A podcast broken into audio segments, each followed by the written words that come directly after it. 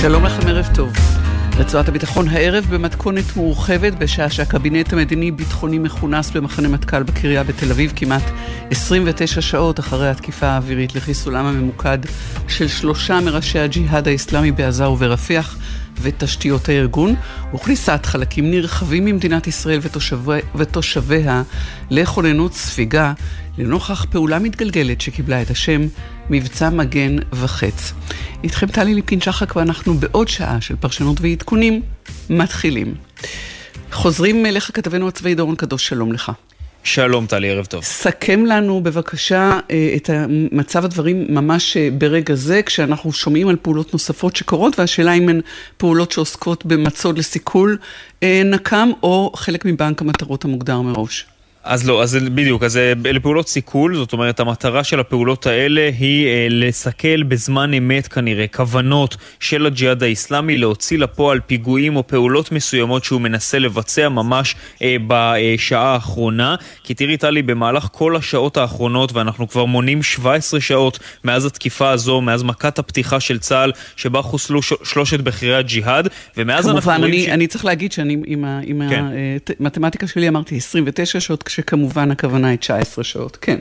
כן, כן, אז מזה, כן. 17, כן, אה, שעות, כן. ובכל אופן, אה, בשעות האלה הג'יהאד האיסלאמי בוחר שלא לבצע ירי רקטי, למרות שכמובן יש לו את האפשרות הזו ויש לו גם את היכולת לעשות את זה, אבל הוא בוחר כרגע כנראה לנסות ולהוציא פעולות מסוג אחר נגד מטרות ישראליות, נגד יעדים ישראלים, והנה לדוגמה, אנחנו רואים את הפעולה שבה אה, כלי טיס בלתי מאויש תוקף חוליית נ"ט של ארגון הג'יהאד האיסלאמי, שנסעה וכבר הייתה ברכב, במכונית, בדרך לעמדת ירי בח'אן יונס, כשהמטרה הייתה להתמקם באותה עמדת ירי ולהצליח לפגוע באיזושהי מטרה ישראלית באזור המועצה האזורית אשכול. צה"ל מצליח לזהות את הכוונה הזאת של החוליה ולסכל מהאוויר בזמן אמת, תוך דקות ספורות, לחסל את שני המחבלים שישבו ברכב, לפצוע שניים נוספים וכמובן לסכל את הכוונה שלהם לבצע פיגוע כזה.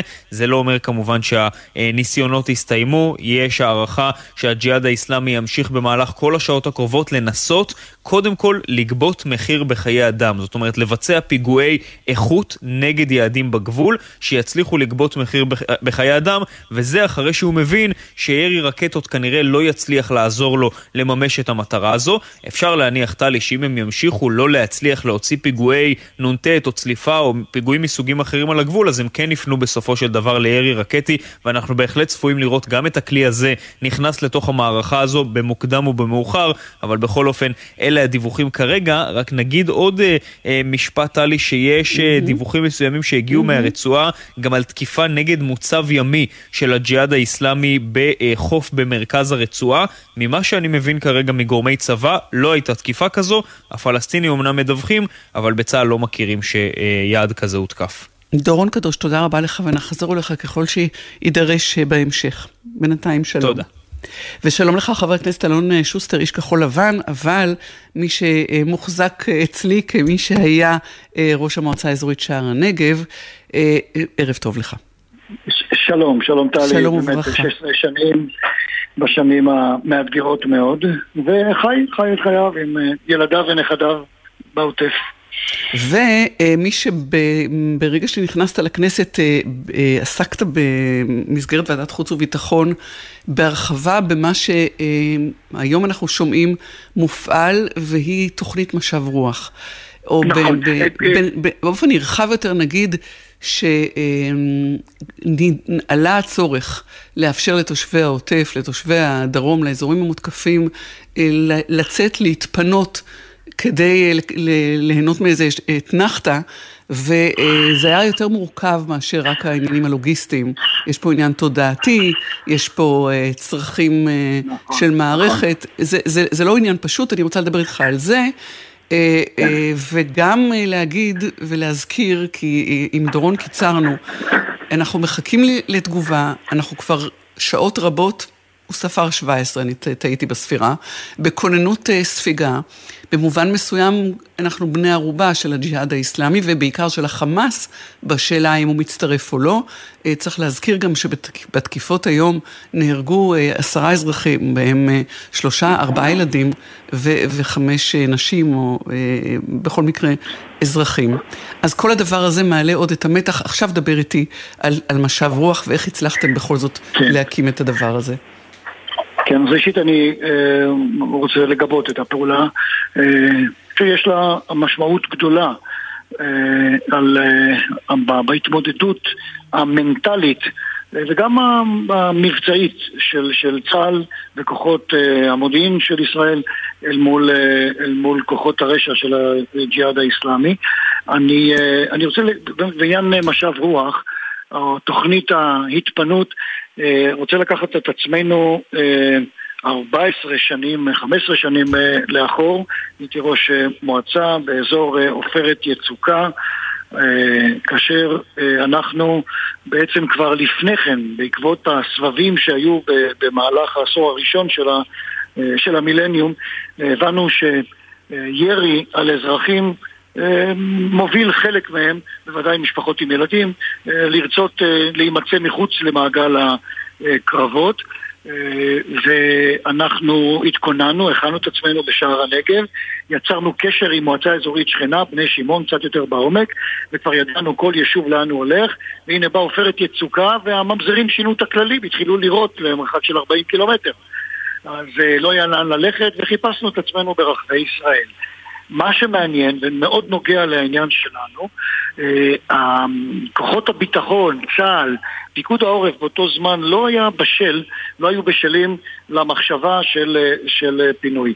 וזה לקח לנו עוד עמוד ענן, ואז צוק, אה, אה, צוק איתן, ושמה, בצוק איתן, אנחנו פעם ראשונה קיבלנו סיוע ממשרד הביטחון שהבשיל באופן רציני בקדנציה של גנץ אה, בשנתיים הקודמות, בשני מבצעים, אה, והפעם באמת ממשיכים את הבסיס הלוגיסטי, התקציבי, הארגוני, באחריות המדינה, כמו, ש, כמו שצריך. אני על זה רוצה לספר לך שבאמצע, במהלך 2014, סליחה, יצא ספרון מרתק שעסק, שעוסק בדיוק בשאלה של פליטים יהודים אה, ב-48. דוקטור נורית כהן. דוקטור נורית כהן. כתבה. יכול, כן, כן, יכול להיות, יש לה עוד שם משפחה. היה לה, לוינובסקי. לוין, כן, בדיוק, אוקיי. בדיוק. זה זכרתי. בכל מקרה, מרתק. למה הוא מרתק?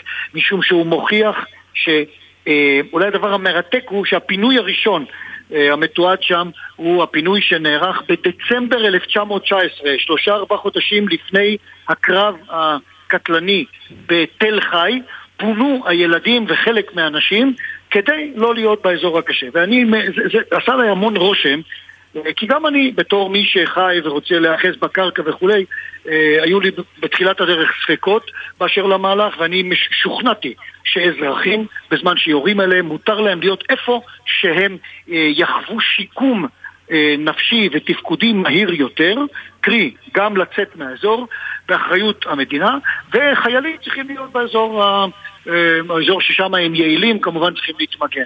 וזה מה שאנחנו עושים היום, המדינה, משרד הביטחון, אה, רח"ל כמובן מובילה את המהלך הזה, ואני מאוד שמח, כך ראוי שיהיה. לא פשוט, החבר'ה אצלנו נוהגים לומר, אה, אה, בעוטף 99% מהזמן גן עדן ואחוז מהזמן סיוט, נכון, יש רגעים קשים, צריכים להעביר אותם הכי טוב שאפשר. אז אה, לזה נגיד כך, קודם כל רח"ל זה רשות חירום לאומית כמובן למי שאינו מכיר, והחסמים הם, אה, הם באמת תודעתיים בעיקר ומנטליים, ומצידו השני של המתרס הזה, או, או מצד השני של המטבע, זה הצבא שזה בהחלט עוזר לו לדעת שהוא יכול בראש שקט לפעול, וגם זה נלקח נכון. בחשבון כשעסקתם בסוגיה הזאת, גם את זה צריך להוסיף, נכון? חד משמעי, ואנחנו גם חושבים שבצפון, אם חס וחלילה ייגזר עלינו כן. אה, מערכה משמעותית, גם שם צריך אה, להיערך. כמובן שפינוי של כמה אלפים לא רבים, כן, עשרות אלפים בודדים אולי, בעוטף עזה, שדרות, אה, אין דינם כדין אה, מספר הרבה יותר גדול בצפון, ובהתאם לכך גם התנאים שהמדינה יכולה להעמיד. כל זה כמובן, כמובן אם, אם, אם נגזר עלינו להיאבק על, על, על, על הביטחון שלנו. זה באשר לסוגיה הזו. אני, אני כן. כן, שאלתי אותך, כי אני רוצה לשאול אותך על המונח מצב מיוחד בעורף. שעם כן. הכרזתו יש לזה משמעויות גם כלכליות, אה, נכון. שהן לא, לא לגמרי פתירות. אה, שוב, כמי שהיה ראש המועצה האזורית שער הנגב, חבר קיבוץ מפלסים, והיום מי שנמצא במקום שבו אפשר להתיר כמה מן הפלונטרים האלה, אולי מכיוון אחר, איפה זה עומד ואיך נערכים לקראת זה ממש עכשיו? כן, אז מצב מיוחד בעורף מאפשר אה, לפצות מערכות חינוך, מערכות כלכליות, הורים שלא עובדים, אה, מעסיקים וכולי, אה, שנגזר עליהם לא לעבוד. צריך לקחת בחשבון שהעניינים הם לא, הם לא פשוטים ויש מצבים אפורים. אתן לך דוגמה, אני סיירתי עם, עם בני גנץ לפני שבוע, היינו ב... אה, בקיבוץ נרעם, ויש שם אה, אה, אורחן, אורחן פשוט שנמצא כמה קילומטר וחצי מהגבול, והגיעו ביטולים בעקבות המהומה שהייתה לפני שבוע, עשרה ימים, ומי יודע לשלם, זה לא, מס רכוש לא, לא מזדרז לשלם ולפצות על, ה, על, האופ, על האובדן הפסיבי נקרא לזה, כי לכאורה מותר לא לבוא, כן. אזרחים, תיירים מותר להם לא לבוא למקום מאוים. אה, והשאלה היא באמת אה, במקום. המדינה יכולה להניח ש... אה, שהיא לא מפצה על כל אירוע של ירידה, אבל, אבל הנה לך דוגמה של מציאות שבה צריך לגלות לב פתוח והעסקים בוודאי שהעסקים נפגעים. המציאות היום היא מציאות מאוד מעניינת, היא אולי תקדימית. אנחנו בקיץ אה, באירועי אה, אוגוסט האחרונים, היינו שלושה ארבעה ימים במציאות הפוכה, מציאות שבה אה, המתנו בלי יותר מדי הסברים לאותה מכת, הסתבר בדיעבד, מכת, מכת פתיחה. עכשיו מכת הפתיחה כבר הייתה ו, אה, ואנחנו שוב ממתינים. כן. כן, וממתינים, וצריך אה, להתאזר בסבלנות, והייתי אומר זאת הזדמנות אה, באמת לצפות להתנהגות מאוד, הייתי אומר, נוקשה כלפי הטרור ואחראית באותה מידה, אנחנו ממתינים וסומכים על, על מערכת הביטחון.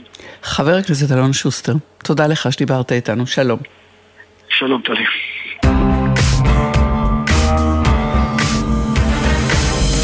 עכשיו נעבור uh, לרגע צעד, שלום לכתבנו לענייני העולם הערבי, ג'קי חוג, ערב טוב. שלום, ערב טוב, טלי.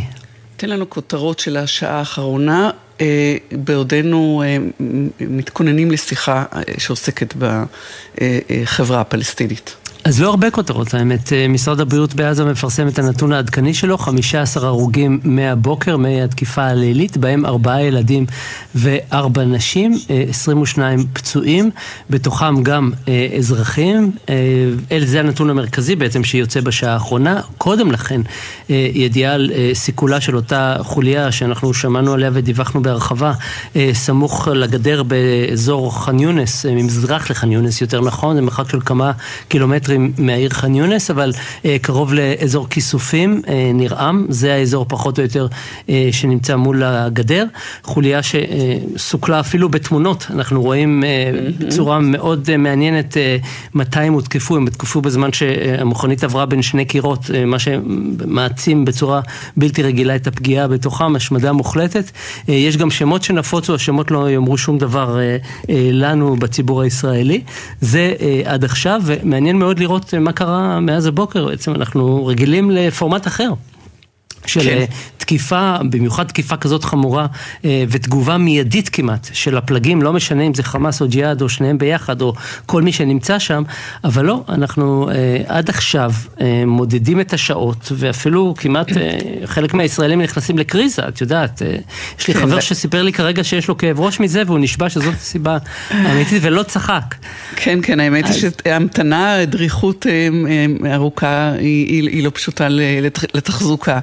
ויש לזה סיבות, יש לזה את הסיבות שלו כמובן. בהחלט. שתי, שתי שאלות לפני שנניח לך. אחת, חמאס אומר, אומר שהוא יצטרף, אבל אם יש פער בין אומר ועושה, אז משהו על הדברים שאמר, אה, אה, נאמרו בחמאס, והדבר שמתייחס אליו הוא הערה של השר ישראל כץ שיצא לעיתונות, לעיתונאים אה, מישיבת הקבינט, הוא בעצם הבהיר או העביר אזהרה ליחיא סינואר שראשו בסכנה אם חמאס יצטרף. אז אם יש לך משהו להגיד על זה? כן, אני חושב שזה יפה שכרכת אותן יחד את שתי השאלות האלה, כי הן קשורות אחת בשנייה. כשחמאס אומר שהוא ישתתף, זה לא בהכרח שהוא ישתתף 50-50 אוקיי. עם הג'יהאד האיסלאמי, או ייקח פיקוד על האירוע הזה. קרוב לוודאי שכמו שאמרנו לאורך כל הבוקר, יש לו אינטרס קטן מאוד להיות מעורב כרגע בסבב, מכל מיני סיבות שלו.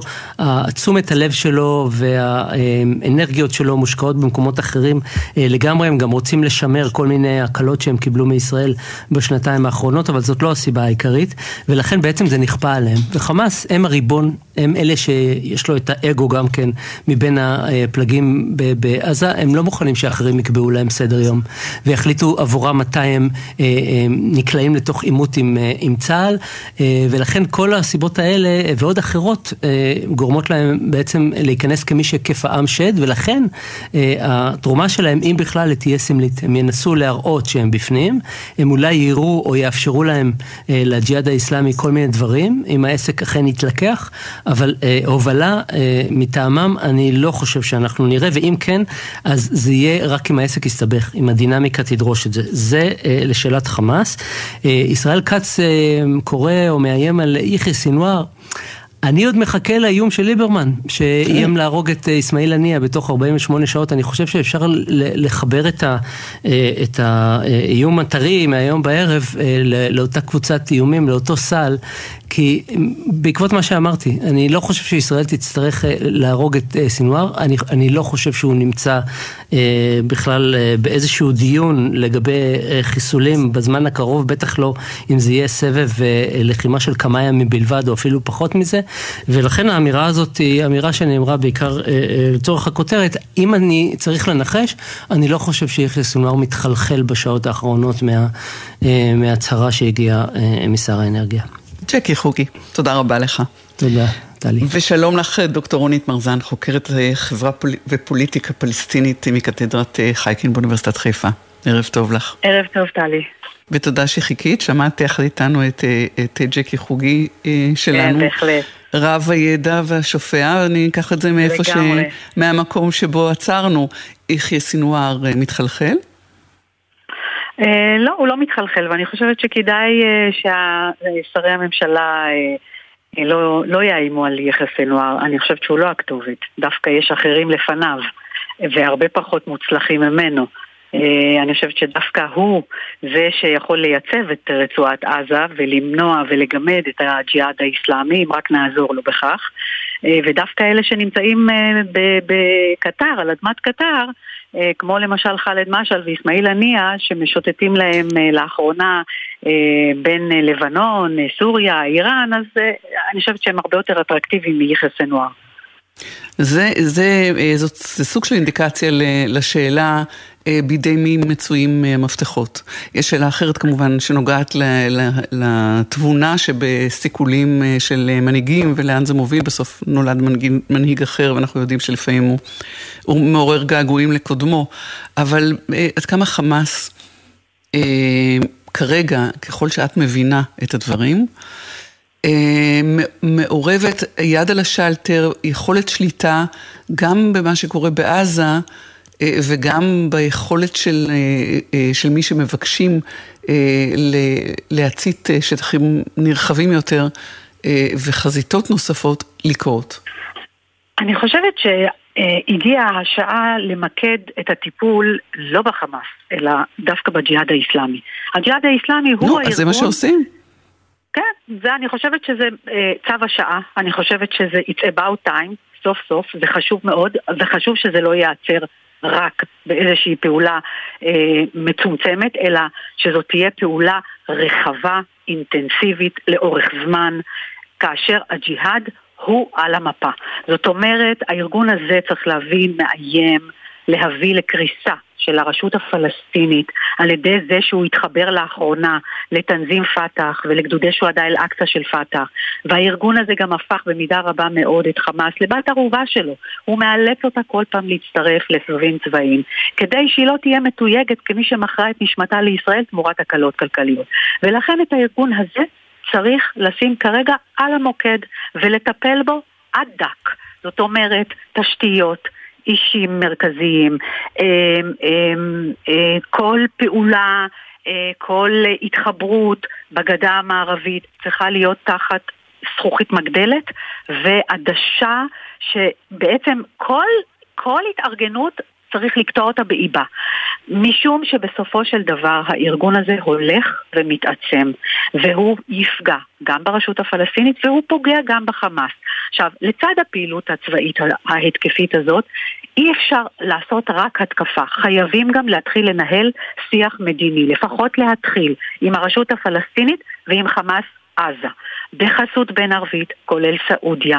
וצריך להבין שהישגים מדיניים יאפשרו לשתי הישויות השלטון האלה, זו שברמאללה וזו שבעזה, להתחיל לפעול נגד הג'יהאד האיסלאמי מבלי שהן תסתכנה בכך שיתייגו אותם כבוגדות. וצריך גם לזכור שבשנתיים האחרונות יש התקרבות בין המדינות הסוניות בשני המחנות. היריבים, קטאר וטורקיה מצד אחד, מצרים, ירדן, איחוד האמירויות וסעודיה מצד שני, וגם התקרבות בין המדינות הסוניות לאיראן. וישראל לא יכולה כל הזמן רק להסתמך על הסכמי נורמליזציה והסכמי שלום, משום שהסוגיה הפלסטינית מאתגרת כל פעם מחדש את הסכמי הנורמליזציה וגם את הסכמי השלום, משום שמדינות ערב כל הזמן מאותגרות בגלל הסוגיה הפלסטינית. חייבים להתחיל בתהליך מדיני. וצריך בעניין הזה של הג'יהאד האיסלאמי לגייס גם את מצרים. עכשיו תראי, מצרים יש לה ניסיון רב בטיפול באחים מוסלמים. אצלה בתוך הבית. היא יודעת לעשות את זה. היא ידעה לסגור את המנהרות, את מנהרות ההברחה של חמאס. היא ידעה למתקן את כל האזור של רפיח, והיא ידעה גם להפעיל מנופי לחץ רציניים על חמאס שתרסן את הג'יהאד האיסלאמי. אה, יש לה, צריך שיהיה לה אינטרס, אה, אה, דוקטור מרזן, כפי שהיה לה, לרסן את חמאס, כשזה טרור שזה לעג לשטחם. לא, לא, אני אומרת, ידעה, דקה. ידעה מצרים לרסן את, ה, את, את החמאס כשהיה לה אינטרס, כשהטרור אה, אה, זלג אה, לשטחה וידעו לסגור את מעברי רפיח ולעשות כל מה שצריך. איפה ועד כמה יש לה אינטרס לפעול אל מול הג'יהאד, במה הג'יהאד, הג'יהאד מערער אותה. הג'יהאד האיסלאמי אף, אף מסוכן יותר מהחמאס. הג'יהאד האיסלאמי, צריך להבין, הוא ארגון צבאי. הוא לא שחקן פוליטי. זה לא חמאס שיש לה הרבה מאוד מה להפסיד משום שהיא הלכה, היא בחרה ללכת להיות שחקן פוליטי, ויש לה הרבה מאוד מה להפסיד okay. כי היא אוקיי. נושאת באחריות אזרחית. הג'יהאד האיסלאמי הוא ארגון צבאי. הוא ארגון צבאי שחרט על דגלו בעצם מאבק עד אחרית הימים ביהודים, בישות הציונית וכולי וכולי. ולכן חייבים לרתום את מצרים okay. כדי אוקיי. לטפל בארגון הזה בצורה מאוד משמעותית. אבל אני רוצה אה. לומר עוד דבר. אחד, כן. אני לא יודעת מה תחליט ממשלת ישראל לגבי כניסתם או יציאתם, המשך כניסתם ויציאתם של הפועלים. מרצועת עזה והסוחרים. אני חושבת שחשוב להמשיך לאפשר את כניסת הפועלים ללא קשר לעימות הצבאי, משום שזה קלף בידיה של הג'יהאד האיסלאמי בעצם לאיים בו על חמאס, להציג את חמאס כמי שמוכרת את נשמתה תמורת הקלות כלכליות. אסור לאפשר לה את הלינקג' הזה בין הקלות כלכליות לבין הפסקות אש. וצריך להפסיק לתווך מולה, צריך להפסיק להידבר איתה, וצריך להפסיק להפוך אותה לשחקן בכלל שמישהו נדבר איתו או מישהו מאפשר לו להגיע אז... לקהיר, זיאד נחלה, כמו יתר הפלגים. בשום פנים ואופן, צריך להפסיק את האיוולת הזאת. אז עוד שאלה אחת, והיא נוגעת למעמדו של הג'יהאד כרגע, לנוכח דווקא המתקפה הזאת עליו. האם לפחות בטווח הקצר, אמ, זה מחזק את המעמד של, של ארגון ש... שסוחב אליו אה, עוצמות כאלה של, אה, של, אה, של צה"ל מצד אחד. זאת, זאת ו... התוצאה. ו... זאת... והחזקת חלקים ניכרים ממדינת ישראל בני ערובה בשעות האלה. נכון, זאת התוצאה, זאת התוצאה של הזנחה ארוכת שנים אל מול הג'יהאד האיסלאמי. אנחנו אה, בעצם אה, הפקרנו את הסיפור הזה של הג'יהאד האיסלאמי. הג'יהאד האיסלאמי היה צריך להיות כל הזמן תחת מתקפה שוטפת יומיומית, אינטנסיבית, גם תשתיות שלו וגם שדרות הפיקוד שלו. תראי, חליל שקקי, המרכז שלו ברמאללה, עשה סקר בספטמבר 2022, ושם נשאלו האנשים האם ההחלטה של חמאס לא להתערב בעלות השחר, כשהיה עימות רק בין ישראל לבין הג'יהאד האיסלאמי, 50% מהאוכלוסייה אמרה שההחלטה של חמאס לא להתערב הייתה נכונה, ו-68% רק ברצועת עזה תמכו בהחלטה של חמאס. זאת אומרת שהאוכלוסייה בעזה מעשה, fed up מהג'יהאד האיסלאמי, וחייבים את הארגון הזה להח... להחזיר אותו למימדים הכי מצומצמים שרק אפשר. הוא לא יכול לקחת בני ערובה, את חמאס, את הרשות הפלסטינית ואת מדינת ישראל. דוקטור... אי אפשר להמשיך במצב הזה, וכמובן את האזרחים של עוטף עזה וכולי. דוקטור רונית מרזן, חוקרת חברה ופוליטיקה פלסטינית מקתדרת חייקין באוניברסיטת חיפה, כתמיד, תודה לך, שלום. אה, הודעות תחנה ואנחנו חוזרים.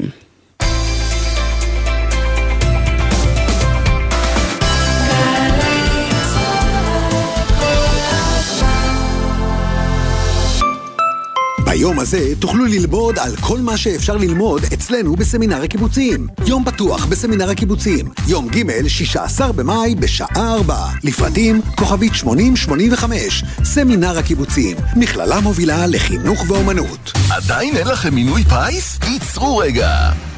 עכשיו הקשיבו לזה, הגרלות מיוחדות במנוי פיס. 15 מנויים יזכו בטוח במיליון שקלים כל אחד. כן, מיליון שקלים ל-15 מנויים. להצטרפות חייגו כוכבית 3990 או בנקודות המכירה. המכירה אסורה למי שטרם מלאו לו 18. אזהרה, הימורים עלולים להיות ממכרים. הזכייה תלויה במזל בלבד, כפוף לתקנון. זכיות חייבות במס, ביוני בלבד, במקום כלל הפרסים. מנוי יכול לזכות בהגרלות בכל אחד מהכרטיסים שברשותו.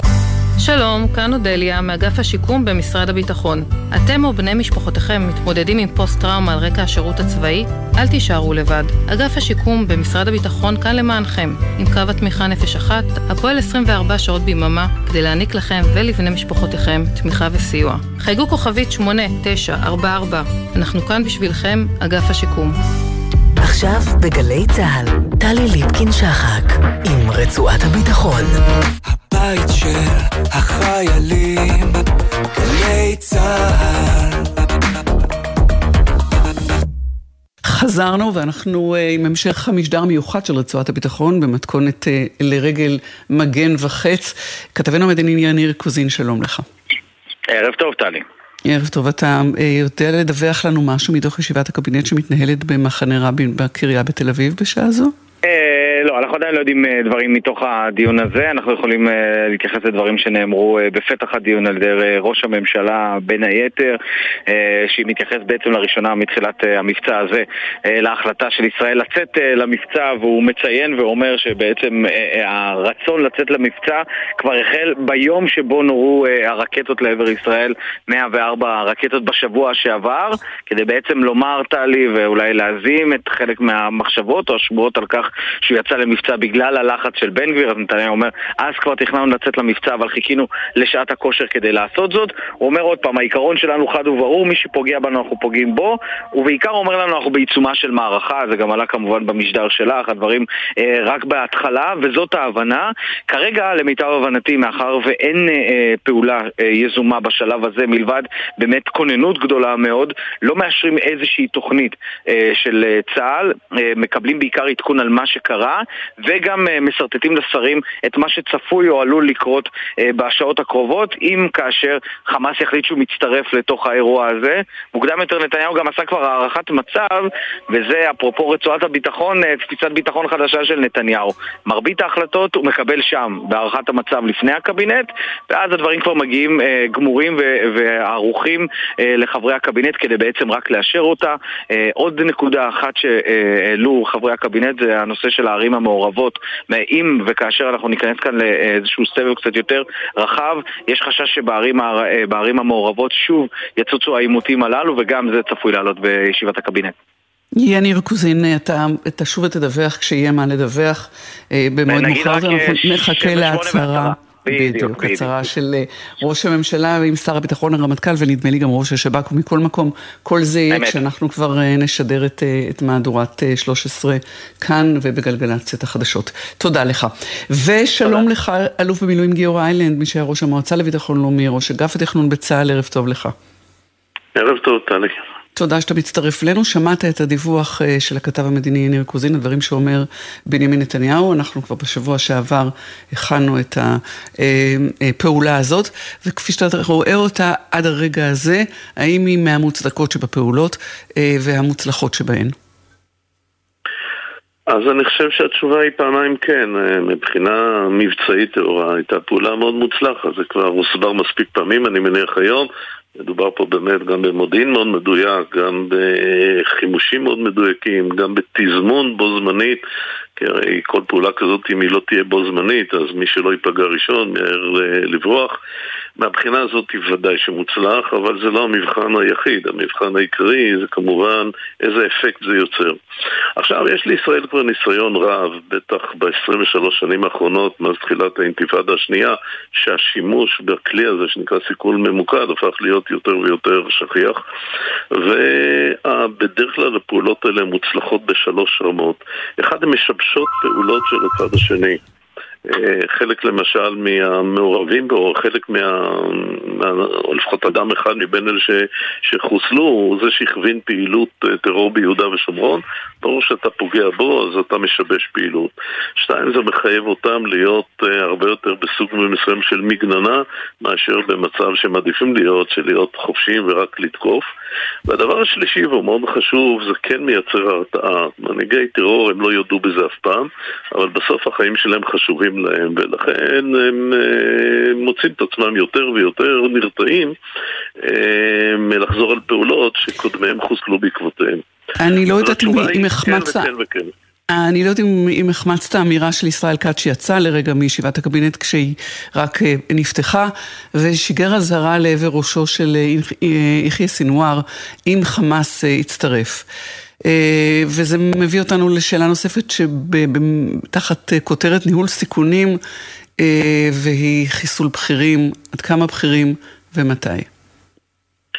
אז אה, נכון, ויש פה תמיד משוואה מאוד עדינה, כי ברור שזה גם הדבר שהוא הכי רגיש בצד השני, והוא בראייתה מחייב תגובה, ודאי של הג'יהאד האיסלאמי, ושאלת החמאס היא עדיין בסימן שאלה. נתייחס אליה עוד שנייה, אז אה, אין ספק שכשאתה עושה פעולה כזאת אתה צריך להניח ברמת ודאות גבוהה שהצד השני יגיב. העניין הוא שאם אתה רוצה לשמר איזושהי הרתעה, אתה לא יכול תמיד להימנע מפעולות, כי אם על פני זמן אה, הצד השני יבין שאתה תמיד נמנע ואתה תמיד מורתע ואתה תמיד מעדיף להכיל, אז אה, הוא יהפוך להיות יותר ויותר נועז ויותר ויותר תכוף. זה משחק מאוד עדין, ואין פה אף פעם תשובות שהן אה, ניצחות, זה הכל עניין של ניצחון זמני בנקודות ויצירה של איזושהי הרתעה שאולי מסוגלת לייצר שקט יחסי לאורך זמן, אה, זה לא צריך לשאוף לי יותר מזה. עכשיו לגבי ההנהגה של החמאס, עוד פעם, זה תלוי. אם החמאס אה, לא ייכנס לפעולה, לא יהיה נכון לפגוע בראשיו דווקא עכשיו. אם הוא יעשה פעולות זניחות, רק לצאת ידי חובה, אז גם כן לא בהכרח נכון לעשות את הפעולות הכי חזקות שאפשר. אבל אם החמאס ייכנס איתנו לעימות מלא, שעלול להיגרר אליו, אבל לא עלול לעשות את זה, אז באופן טבעי גם סך המטרות שאפשר לתקוף הולך ונעשה יותר גבוה.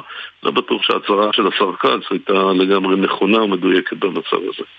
ועוד uh, עניין uh, שנוגע לניהול סיכונים, uh, כשפותחים במבצע כזה, ונזכיר את האזרחים שנהרגים, הבלתי מעורבים, כפי שהם מוגדרים, נשים וילדים, uh, גם יש את הרגע שבו uh, אם רוצים לעשות עוד משהו, העולם מפסיק, אז יש פה איזה מרוץ נגד הזמן.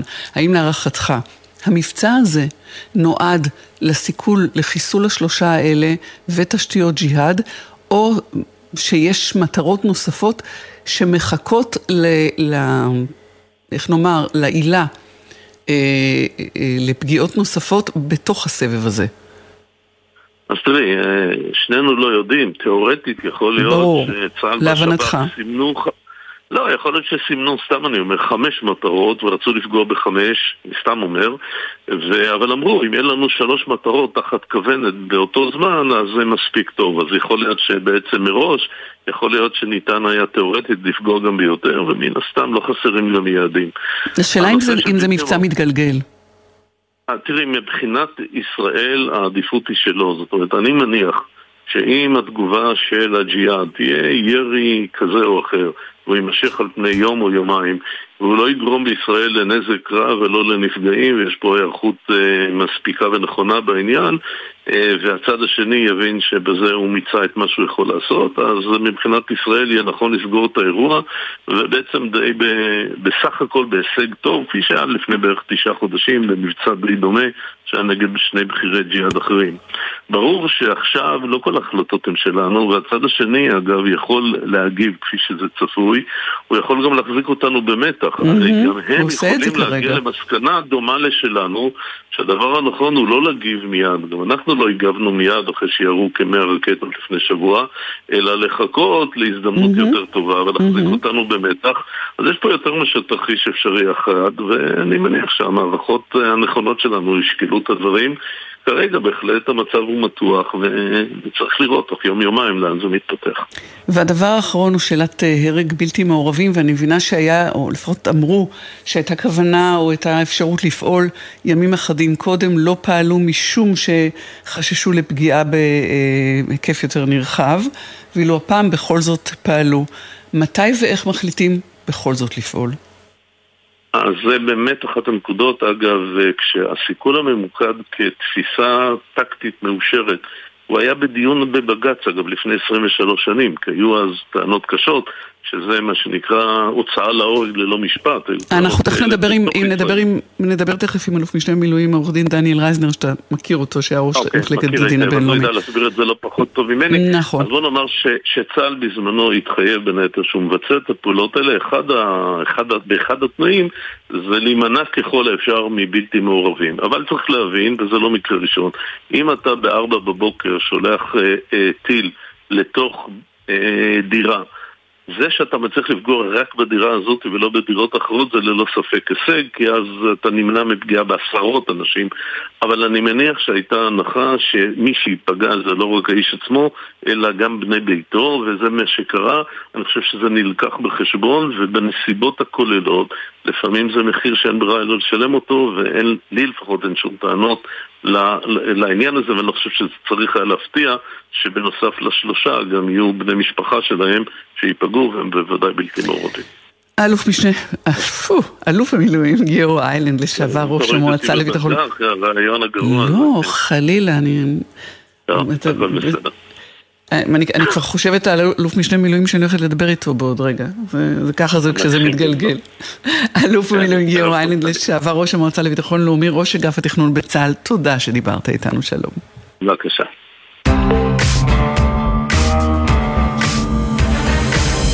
כמובטח וכפי שכבר התחלתי לומר, אלוף משנה במילואים, עורך דין דניאל רייזנר, מי שהיה ראש מחלקת דין בינלאומי בפרקליטות הצבאית, שלום לך. שלום וערב טוב, טלי. ערב טוב לך, ואנחנו uh, ממשיכים בנקודה בה נפרדנו מגיאו איילנד. שאלת uh, פגיעה בבלתי מעורבים. תראי, כמו שגיורא אמר בצדק, uh, שוקלים את הנושא של בלתי מעורבים כשתוקפים, אבל אין דרישה משפטית שלא ייפגעו בלתי מעורבים. יש בדיני המלחמה כלל שנקרא כלל המידתיות, פרופורציונליות. אבל בניגוד למה שרוב בני אדם חושבים כשהם שומעים את המילה מידתיות בהקשר של לחימה, הכלל אומר משהו מאוד קשה.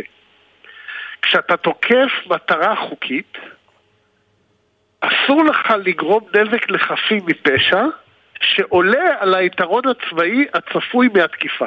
וואו, איך תמדוד את זה? עכשיו זה תפוזים ותפוחים קלאסי. הכלל לא ברור לאף אחד, היישום שלו בלתי אפשרי, אבל ההפרה שלו היא פשע מלחמה.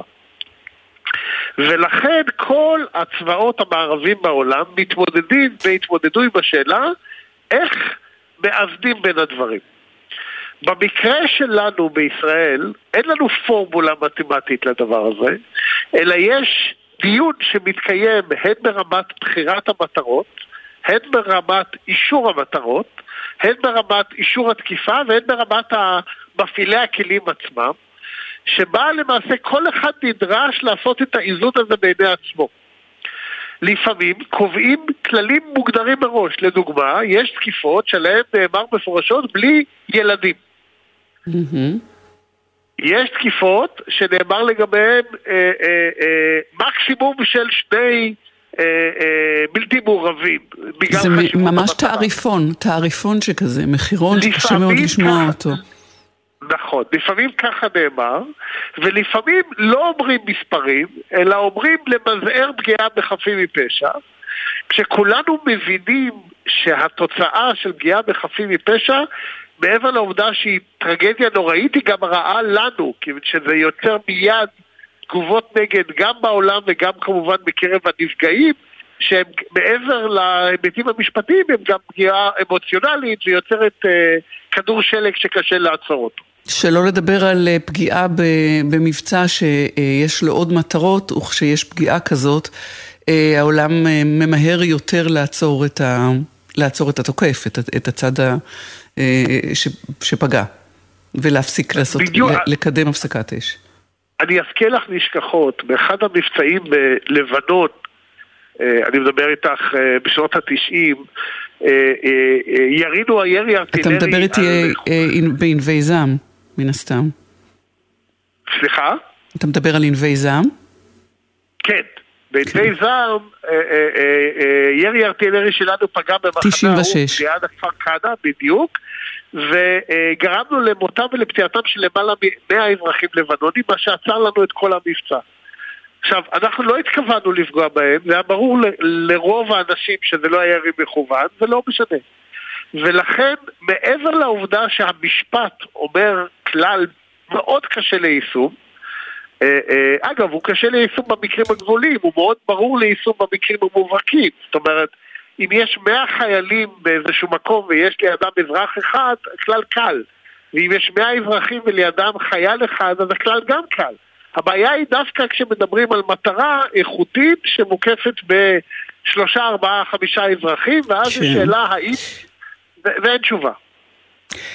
יש אה, אה, נוהל אה, קבוע שבו נציג הפרקליטות הצבאית יושב בכל הכנה של מבצע כזה, או בתדרוך לקראת יציאה למבצע כזה, או לאיזשהו סוג של מבצע, מעבר למבצע הזה שזה כמעט מובן מאליו? אני אגיד מה אני יודע, אני לא יודע לגבי המבצע הנוכחי בדיוק מה קרה בו, אני אגיד מה הנוהל שאני מכיר, שאני בעוונותיי הייתי ממגבשיו לפני עשרים ומשהו שנה בצבא. אה, אה, בבחירת מטרות לתקיפות, הצבא לוקח בחשבון את השיקולים של דיני המלחמה, כולל את הכלל שאת ואני דיברנו עליו הרגע, כלל המידתיות. זה כבר מובנה לתוך הפעילות של כל תאי המטרות של צה"ל, אם זה חיל האוויר ואם זה גופים מבצעיים אחרים. במקרים מורכבים, ובמקרים של סיכול ממוקד במיוחד, בדרך כלל אנשי הפרקליטות הם בתוך הדיון על אישור התקיפה בדיוק מהסיבות שאת מבינה שאם זה לא עובד טוב או אם זה משהו קורה אז התוצאות הן חורגות מהגדר המבצעי. Mm-hmm. אני יכול להגיד לך שכשהתחלנו עם הסיכונים הממוקדים ב-2001 אה, אה, אני ואנשיי ישבנו בכל אישורי התקיפות של הסיכונים ממוקדים עם השנים הנוכחות שלנו הצטמצמה כיוון שהמערכת כבר למדה להפעיל את הקריטריונים האלה לבד, ואנחנו נקראנו רק למקרים המאוד מורכבים או מאוד קשים או מאוד uh, רגישים. אני יוצא מנקודת הנחה שלאור המורכבות והרגישות של האירוע האחרון, נועצו עם גורמים משפטיים לפני התקיפה, אבל אני לא יודע את זה כנתון. לפני שניפרד אם כך, אה, אלוף משנה במילואים דוקטור אה, עורך הדין אה, דניאל רייזנר, אני אשאל אותך עוד שאלה בקצרה שנוגעת לשינויים המשפטיים שאנחנו אה, לפתחם והחיבור שעושים, ההקשר של שמירה על, על לוחמי צה"ל בבית הדין הבינלאומי או בעולם בכלל. קח את זה כמקרה מבחן ותן לי תשובה קצרצרה בבקשה. לא קצרצרה, אבל תשובה, תשובה מסבירה, מבהירה. אחד הסיכונים שאנחנו מנסים להתמודד איתם כבר למעלה מ-20 שנה זה הסיכון שינסו ליזום הליך פלילי כנגד קציני או חיילי צה"ל בחו"ל על אירועים שקשורים לזירות הלחימה השונות.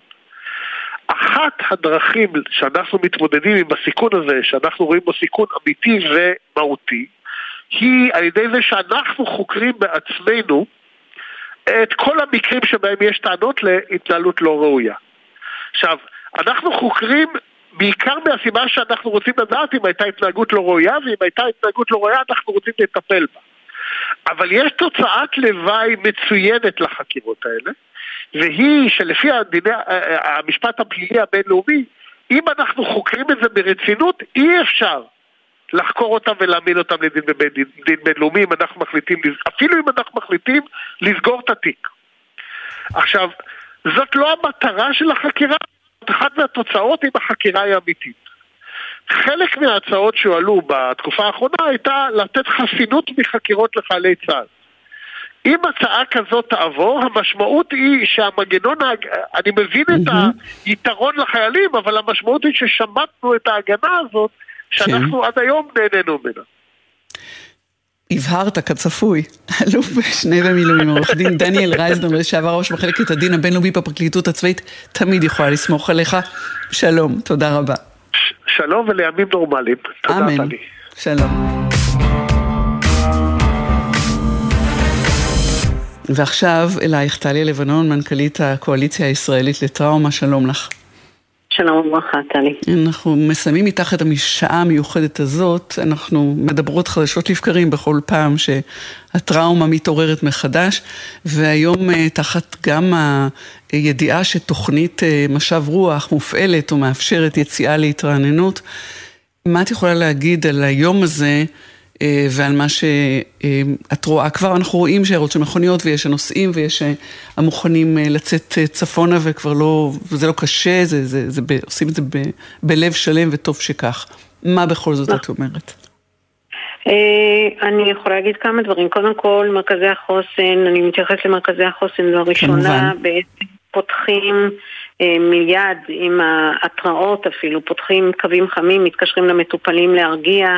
אה, אה, מגייסים כוח אדם, מטפלים, פותחים את מוקד הטיפול, למרות שאנחנו מניסיון שלנו יודעים שבזמן ה, החירום עצמו אנשים ממעטים לצאת מן הבית והיום עוד יותר מתמיד ו, אה, אז זה, זה קורה כבר, אני חושבת שהביטוי הזה שאנחנו מתורגלים אבל לא מתרגלים נכון לכולנו.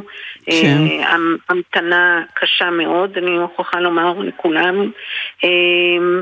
ויש אתגרים מיוחדים הפעם, שאחד שלא ראינו ככה בהתחלה, באמת הסיפור הזה של ההתפנות או הפינוי נעשה בצורה מתואמת ובצורה שקטה ועם קהילות קולטות ועם מאמץ גדול של מרכזי החוסן ושל הרשויות לשמור על רצף ועל קשר, אנשים לא נעלמים בתוך המקומות שלהם הם מתפנים ואנחנו נערכים כולנו, בעיקר הרשויות, אבל גם מרכזי החוסן, לתת mm-hmm. מענה במידה ונידרש גם במקומות אליהם הם יתפנו וכמובן זה משאיר אה, הרבה שאלות לאלה שלא התפנו, במיוחד אה, אה, ילדים שמבקשים הסבר למה הוא נסע ולמה אנחנו נשארים, אבל, אה, וגם כמובן נשאיר צורך אה, להקדיש אה, תשומת לב אה, לאלה שנשארו. זה נושא אחד. הנושא השני זה כמובן הנושא ש... לא יודעת אם אנשים מודעים לזה, אבל האירועים בעצם לא התחילו בשבוע שעבר, הם התחילו מנובמבר, והתחושה הזאת של off and on כל הזמן היא תחושה די שוחקת, ובאמת אנחנו רואים עלייה מאוד גבוהה במספר הפניות לטיפול. ודבר נוסף זה שמהניסיון שלנו, הצונאמי הגדול של הפניות מגיע אה, בשלהי ומיד אחרי המבצע, ואנחנו מדברים כן. על אה, מספרים מאוד גדולים, ואנחנו צריכים רק אה, להיערך לזה עם אה, מטופלים עייפים, מטפלים עייפים, ולראות מה אפשר, אה, איך אפשר להיערך. אבל המאמץ הוא, המנגנון עובד, וכולנו באמת אנשי מקצוע מצוינים, וכולנו מחכים לראות, כמו כולם, לראות מה יקרה. אז זהו, טליה לבנון, מה, ש, מה שהזכרת קודם, ונחזור רגע אליו, זה כולנו מחכים. תקופת ההמתנה היא קצרה, אבל היא מעוררת אה, איזושהי, איזושהי אה, נוסטלגיה או איזשהו, איזשהו, איזושהי קונוטציה של תקופת המתנה. אחרת, היא קשה. יש לפעמים שאומרים שתיפול כבר הנאה לשנייה, כמו שאומרים. לגמרי, זה נכון. אני, להגיד למי שלא יודע שכבר בלילה יצאו צוותים והורים להחזיר ילדים הביתה כי הידיעה שעומד לקרות משהו, לקחו ילדים מל"ג בעומר, ההמתנה היא באמת אה, קשה ולפעמים ההמתנה מעוררת לא פחות חרדה מאשר שזה מתחיל כבר ואנחנו יודעים איך להתנהג ולמה לצפות, האי ידיעה הזאת היא מעוררת, אה, מעלה את סף החרדה ולכן המסרים שההורים צריכים לתת לילדים הם מסרים של הרגעה ושאנחנו ביחד ושאנחנו שולטים בתוך מה שקורה בבית, אנחנו יודעים מה לעשות ו... ואנחנו צריכים להגיד את זה גם לעצמנו, שאנחנו מחכים ונתמודד עם מה שיגיע. ועוד, דין, ועוד עניין אחד כמובן הוא החזרה של אה, אנשים שבכל פעם, כפי שאמרת, לא מתרגלים לזה, אה, אז זה מחייב אה, משנה, משנה תשומת לב, כשזה שב וחוזר. לגמרי, אני חושבת שצריך להדגיש שלפעמים המעבר משגרה לחירום הוא, הוא, הוא קשה, אבל לא פחות קשה המעבר מחירום לשגרה, לוקח כן. זמן. והציפייה הרבה פעמים שילדים יחר יחזרו לבית ספר כי כבר הייתה בעשר בלילה הזעקה האחרונה, היא לא עומדת במבחן המציאות. להורים קשה לשחרר את עצמם ואת הילדים, לילדים קשה, ולהרבה מאוד אנשים קשה לחזור ו... למצב של אה, שגרה, אבל אה, אני מקווה שנהיה שם במאמץ הזה כבר מהר. אמן. טליה לבנון, מנכ"לית הקואליציה הישראלית לטראומה, מרכזי החוסן, שלום לך. אה, מפיקה ראשית של רצועת הביטחון נועה נווה, אליעזר ינקלוביץ' הפיק את המשדר הזה, ליאור רונן היה לביצוע הטכני ובפיקוח מיכאל אבו, אני טלי ליפקין שחק. אנחנו יוצאים למהדורת אה, חדשות 13, אבל חדר החדשות של גלי צה"ל נכון לעדכן בכל רגע.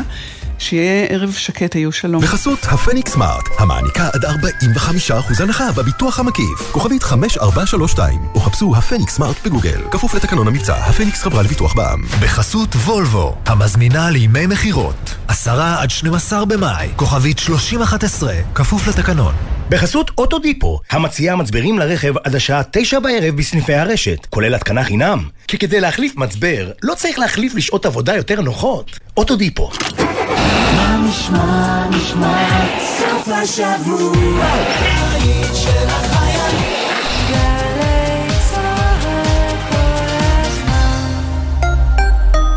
קיה במבצע לעמיתי מועדון חבר. נירו החדש, סלטוס החדש, ספורטאז', פיקנטו ויתר דגמי קיה עכשיו בתנאים בלעדיים לעמיתי מועדון חבר. עד שישה ביוני, לפרטים כוכבי 9920 או באתר מועדון חבר. חבר זה הכל בשבילך אוניברסיטת בר אילן גאה להשפיע. מה אתם צריכים לעשות? רק להגיע. יום פתוח, 12 במאי, יום שישי, אוניברסיטת בר אילן. משפיעים על המחר, היום. אתם נוסעים במכונית ומתקבלת התראה? חשוב לזכור שיציאה מהרכב שומרת על חייכם.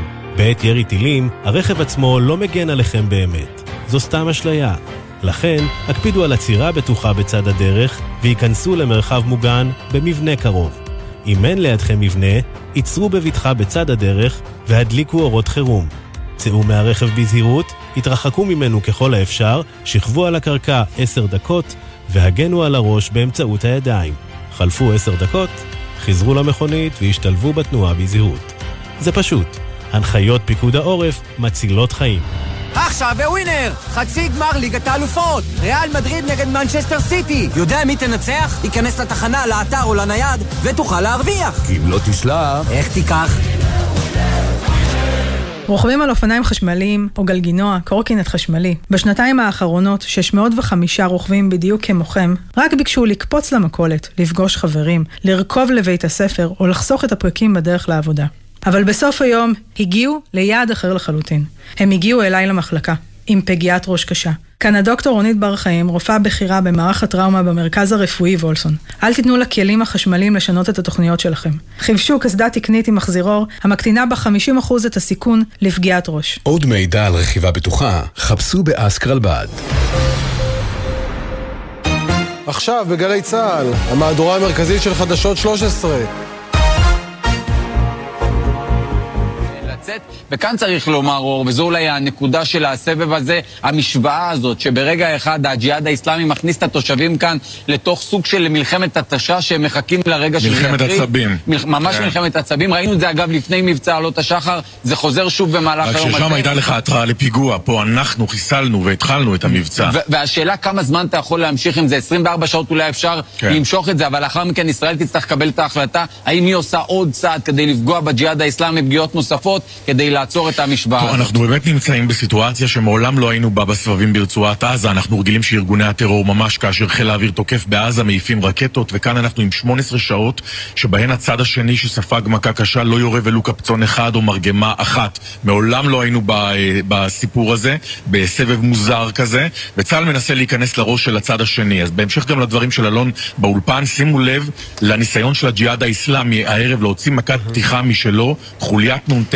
שיוצאת מח'אן יונס עם משגר של טיל נגד טנקים שמתקרבת לגדר כדי להרוג אזרחים או חיילים. מל"ט של חיל האוויר מזהה אותה, משגר לעברה טיל, פוגע ברכב, הורג שם שני מחבלים של הג'יהאד האיסלאמי, פוצע עוד שניים. הג'יהאד אומר זה לא אנחנו, הוא למעשה מתנער מהאירוע הזה.